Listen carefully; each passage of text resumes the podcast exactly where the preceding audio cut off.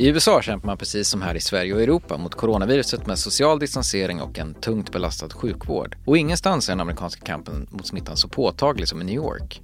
Du lyssnar på Expressen förklarar, jag heter Joakim Lidström och idag pratar jag med Expressens USA-korrespondent Nina Svanberg som tidigare i veckan i Expressen TV kunde ses rapportera från ett folktomt Times Square i hjärtat av Manhattan. Jag frågar Nina vilka förhållningsorder New Yorkborna har fått och hur de efterlevs. Som det är nu så ska ju alla som är non-essential workers hålla sig hemma. Alltså i stort sett alla som inte jobbar inom typ sjukvård eller polis eller den typen av arbeten ska hålla sig hemma. Man ska hålla sig inomhus och framförallt också att hålla den här sociala distansen. Men också inte lämna delstaten heller, New York, utan att hålla sig hemma och endast göra bara de mest nödvändiga resorna ut på gatan och så vidare. Och nyligen så gick ju också president Trump ut och sa att man eh, rekommenderar folk att ha ansiktsskydd och täcka mun och näsa antingen via såna här N95-masker men allra helst då som man pratar om just att man har gjort egna av tyg, alltså typ en näsduk eller så. För att de här N95-maskerna är det redan nu stor brist på inom sjukvården så mm. de ska till de som verkligen behöver dem. Är det så att folk följer det här eller bryts det mycket? Just de här munskydden är det väldigt många som har runt om i New York. Det är nästan, jag skulle nästan säga att det är fler som har det än som inte har det.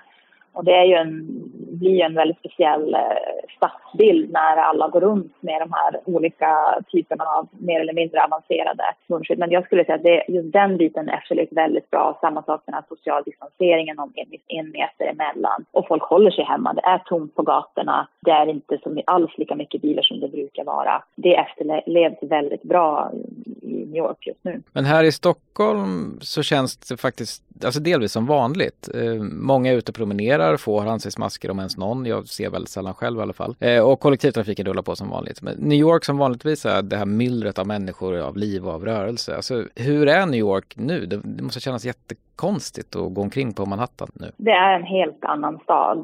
Det här, New York ju vara staden som aldrig sover och det är verkligen en, en sovstad just nu. Det är öde, tomt på gatorna, eh, folk är inte ute och det är annars ju ett väldigt levande stad med ett liksom rikt restaurangliv, barer som är öppna, folk som sitter ute, eh, alltså en väldigt stark liksom, restaurangkultur. Men allt är ju stängt. Alltså det är, allt är verkligen stängt. Jag tror inte tror att det är svårt för folk hemma i Sverige att förstå hur nedstängt det är i New York just nu. För det är enorm skillnad på hur det normalt sett är. Jag menar, jag var på Times Square och där är det, det är liksom en av världens mest hektiska gator och där är det verkligen öde. Det är eh, inga människor ute. Men om man ska beskriva stämningen bland eh, New York-borna själva, så efter 11 september-attackerna så talar man mycket om att resa sig som ett kollektiv ur rasmassorna och att liksom ena staden på något sätt. Håller man samman på ett liknande sätt eh, mot coronaepidemin nu? Det finns en väldigt stark enighet eh, här i New York. Folk sätter upp skyltar i fönstren och liksom hedrar eh, all vårdpersonal. Varje kväll klockan sju kan man höra liksom över hela staden hur folk applåderar för vårdpersonalen eh, och spelar instrument och klappar i händerna. Samma sak, alla de här butikerna som fått stänga igen så har frivilliga då gjort sådana här ballongbombningar, att man fäster massa, massa ballonger på de här butikerna som är älskade i de olika kvarteren för att liksom, hylla dem och, och peppa dem att komma tillbaka när det här, när coronautbrottet kommer att vara över. För det, det kommer det att vara. Guvernör Cuomo har ju pratat en hel del om just uh, the New York spirit, New York-andan, att uh, vi kommer att gå segrande ur det här, vi måste hålla ihop, det här kommer att vara över.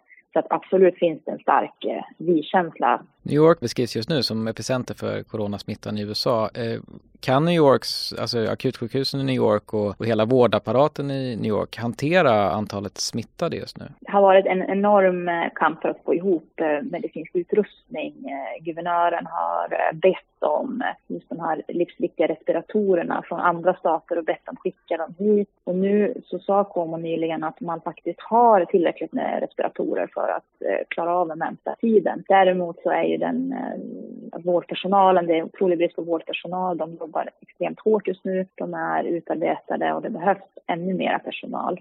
Och samtidigt är det ju också den här bristen på engångsmaterial, alltså just de här N95-maskerna, skyddsutrustning och så vidare. Så det är fortfarande Eh, brist på. Men just de här respiratorerna säger Gunnar Koma det har man just nu. Man har fått bland annat tusen respiratorer från Kina och det ska räcka till just nu. Och man säger också att man har ganska bra med sängplatser just nu där man har, eh, guvernören sa att man har fått ihop eh, 90 000 sjukhussängar nu. Är det så att man också har byggt ett fältsjukhus i Central Park? Ja, det stämmer. Det finns eh, ungefär nästan 70 bäddar i det fältsjukhuset. Sen är det ju också den här sjukhusbåten som har kommit, eh, kom förra veckan till New Yorks hamn som ska kunna ta emot eh, tusen patienter. Det var från början sagt att det skulle vara en båt bara för patienter som inte har corona. Men eh, efter att eh, guvernör Cuomo bad presidenten om att det skulle förvandlas till ett coronasjukhus istället så har Trump ändrat det och nu ska man då kunna ta emot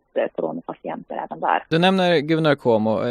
Vad säger man om politikers och myndigheters sätt att hantera det här och hur just han har hand om krisen? Han har ju någon slags superstjärnestatus just nu. Väldigt många tycker att det han gör är bra, att han har hanterat eh, coronautbrottet här i New York på ett bra sätt. Han håller dagliga presskonferenser. Eh, jag såg någon undersökning som var att eh, om det var nio av tio New Yorker som eh, anser att han har skött det här på ett bra sätt. Han var omskriven i Vogue nyligen där man pratar om honom som USAs guvernör samma när jag såg någon kommentar på eh, hans Facebook-presskonferens, eh, uh, någon som skrev att jag vet inte om han är demokrat eller republikan, men jag skulle rösta på honom om det var presidentval. Han är demokrat då ska jag säga, men men han, eh, han är väldigt omtyckt. Ser vi kulmen på smittan i New York just nu tror du? Eller är det fortfarande liksom betydligt värre att vänta framöver? Ja, alltså ser man till siffrorna som de ser ut nu här i New York City har det varit 76 000 bekräftade fall av corona. Det är 4 000 ungefär som har dött så här långt. Men samtidigt så sa Gunnar Cuomo på presskonferensen på tisdagen att eh, man noterar att antalet som läggs in i corona inte ökar lika lavinartat och att man då, det skulle kunna tyda på att man har nått någon slags platå. Och det är ju hela tiden det som man väntar på, att det här ska nå sin kulmen. Eh, Komos har sagt att man ska nå den här kulmen inom typ två eller tre veckor, men, men exakt när och hur det kommer ske, det, det vet vi ju inte förrän vi har mer, mer data. Eh, så att eh, det är många liksom, officiella personer är ju försiktigt positiva till utvecklingen just nu men det är samtidigt väldigt, väldigt tidigt att säga om vi verkligen har nått någon slags avmattning i antalet eh, coronafall. Du har lyssnat på Expressen förklarar, en podd där vi i varje avsnitt fördjupar en specifik grej i nyhetsflödet. Du kan följa Expressens nyhetsbevakning dygnet runt på Expressen.se, i vår app och i Expressen TV.